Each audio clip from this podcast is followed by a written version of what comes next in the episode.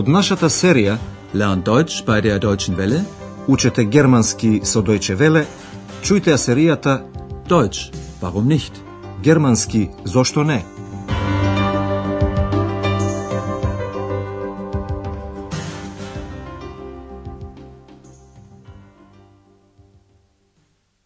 Liebe Hörerinnen und Hörer. Добар ден, почитувани слушателки и слушатели. Наред е 14-та лекција по наслов Ама ќе дојдете ли во Ахен? Ја ком на Ахен? Во последната емисија беше малку турбулентно во Хотел Европа. Се сеќавате ли? Најпрвин господин Маjer го предаде клучот. Hier, mein Schlüssel. Потоа Андреас и го врати пасошот на жената. Hier bitte, Ihr Pass. Притоа научивте како во германскиот се изразува нешто што некому му припаѓа. Прво лице еднина со mein, meine. За второ лице во учтива форма ihr, ihre. Кај именките од женски род, на крај се додава буквата е. Например, очила, кои во германскиот се во женски род. Доктор Тирман помисли дека ги загубил очилата.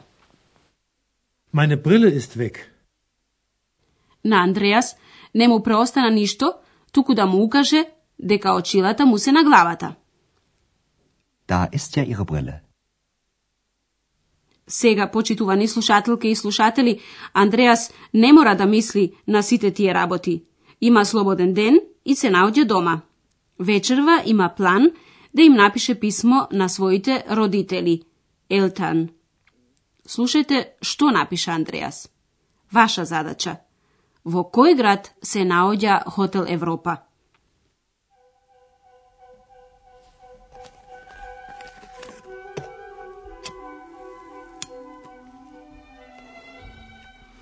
Liebe Eltern, ihr wisst doch, ein Student braucht immer Geld.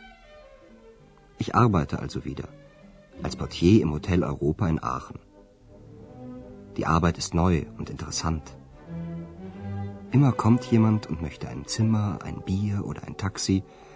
Oder jemand fragt, wo ist mein Geld, meine Brille, mein Pass? Die Leute glauben wohl, ein Portier weiß alles. Da mache ich Studien, studiere Menschen. Da ist zum Beispiel Dr. Thürmann, ein Arzt aus Berlin. Er ist nett, aber er fragt sehr viel. Und da ist noch Herr Meier, ein Musiker. Er raucht und trinkt wohl gern. Auch ich rauche immer noch. Und das ist sehr teuer. Leider. Ihr kommt doch nach Aachen? Wer denn? Meine Eltern. Андреас на два пати го спомна името на градот. Хотелот Европа се наоѓа во Ахен, прекрасен стар град, кој се наоѓа во Германија, но близко до границите со Белгија и Холандија. Сега ќе ви објасниме што им напиша Андреас на родителите. Ним им се обраќа вака. Драги родители, Либе Елтан. Liebe Eltern, Андреас го почнува писмото со констатација. Веќе знаете, студентот има секој пат потреба од пари.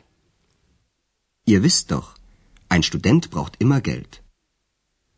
Тој им соопштува на родителите повторно, вида, работи како портир во Хотел Европа. Ich arbeite also wieder. Als Portier im Hotel Europa.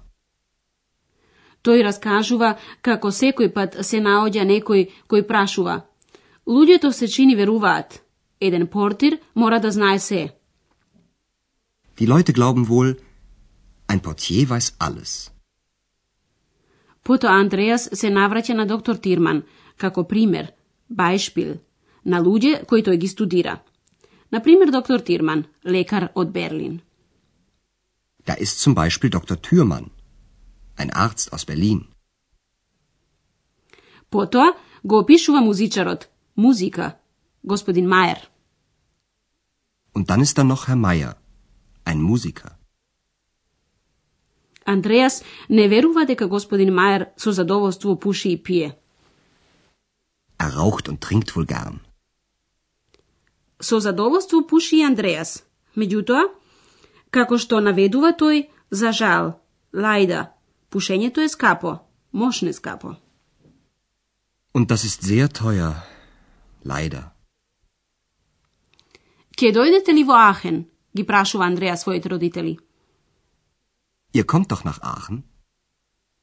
А екс, кој молчи, а се слуша, прашува кој треба да дојде во Ахен. Кој тоа? Wer denn? Одговорот веќе го слушнавте. Моите родители. Meine Eltern.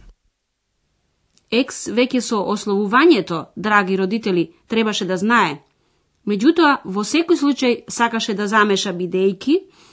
Сега чујте го текот на разговорот меѓу Андреас и Екс. Ваша задача е да откриете што сака Екс, што е причината за неговото мешање.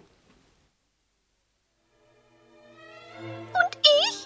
Wo steht, Ex ist meine Freundin? Ach so, du meinst... Ja, Ach, Ex. Das geht doch nicht. Екс мисли дека Андреас треба да пишува за неа. Таа прашува каде во писмото стои дека Андреас има пријателка, Фроендин. А каде стои Екс е моја пријателка? Und ich? Wo steht, Ex ist meine Freundin? Што да каже Андреас? Може да и каже дека е неможно. Не оди така. Ach, Ex. Das geht doch nicht. Екс не попушта. Зошто не? Warum nicht? Андреас не одговара на тоа. А како да одговори? Тој го завршува писмото. Bis bald. Euer Andreas.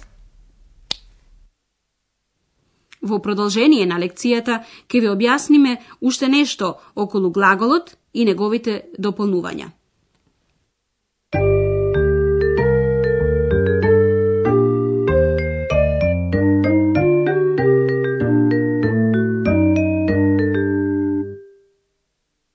Во германскиот јазик, во секоја реченица има глагол. Исто така се сеќавате дека глаголите имаат завршок.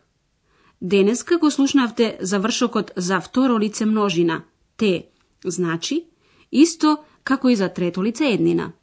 Важечката лична заменка гласи вие, ија. Во германскиот родителите се ословуваат со ти. Да го чуеме овој пример уште еднаш. Ihr wisst, Ihr wisst doch, ein Student, ihr kommt, ihr kommt doch nach Aachen, Секој глагол има свое дополнување, по неколку. Дополнувањето во номинатив се означува исто така како подмет. Номинативно дополнување може да биде именка со соодветен член. ein Student, ein Student braucht immer Geld. Номинативно дополнување може да биде и собствено име. Dr. Thürmann, Dr. Thürmann ist Arzt. Исто така може да биде и заменка. er, Er ist nett. Дополнување за номинатив може да биде изборот тоа, das. Das, Das ist sehr teuer. За други дополнувања ќе чуете во наредните лекции. Денеска ќе ве запознаеме со зборот вол. wohl, wohl, Со овој збор можете да изразите некоја предпоставка. Можете да речете јас верувам, тој пуши и пие со задоволство. ich glaube, er raucht und trinkt gern. А можете да речете се чини тој пуши и пие со задоволство. Er raucht und trinkt wohl gern.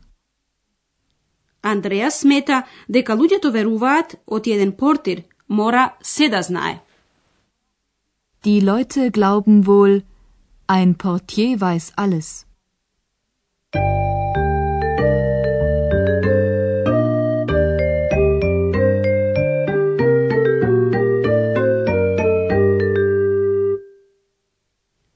Чујте го уште еднаш писмото на Андреас и прашањето на Екс.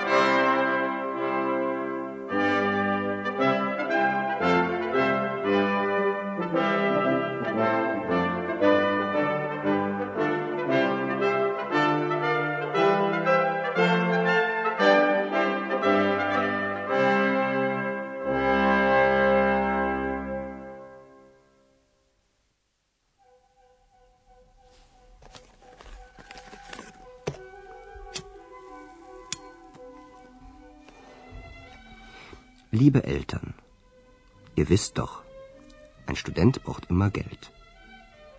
Ich arbeite also wieder als Portier im Hotel Europa in Aachen. Die Arbeit ist neu und interessant. Immer kommt jemand und möchte ein Zimmer, ein Bier oder ein Taxi. Oder jemand fragt, wo ist mein Geld, meine Brille, mein Pass? Die Leute glauben wohl, ein Portier weiß alles. Da mache ich Studien, studiere Menschen. Da ist zum Beispiel Dr. Thürmann, ein Arzt aus Berlin. Er ist nett, aber er fragt sehr viel. Und da ist noch Herr Meier, ein Musiker. Er raucht und trinkt wohl gern. Auch ich rauche immer noch. Und das ist sehr teuer. Leider. Ihr kommt doch nach Aachen? Токму тука, Екс го прекинува Андреас и се жали дека не се спомнува во писмото. Wer denn? Meine Eltern. Und ich? Wo steht, Ex ist meine Freundin? Ach so, du meinst... Ja, Ach, Ex. Das geht doch nicht. warum nicht? Андреас го завршува писмото без да одговори на прашањето. Bis bald. Euer Andreas. До слушање до наредната емисија. Auf Wiederhören. Тоа беше германски зошто не, радиоговорен курс на Херат Мезе во продукција на Дојче Веле и на Гетовиот институт од Минхен.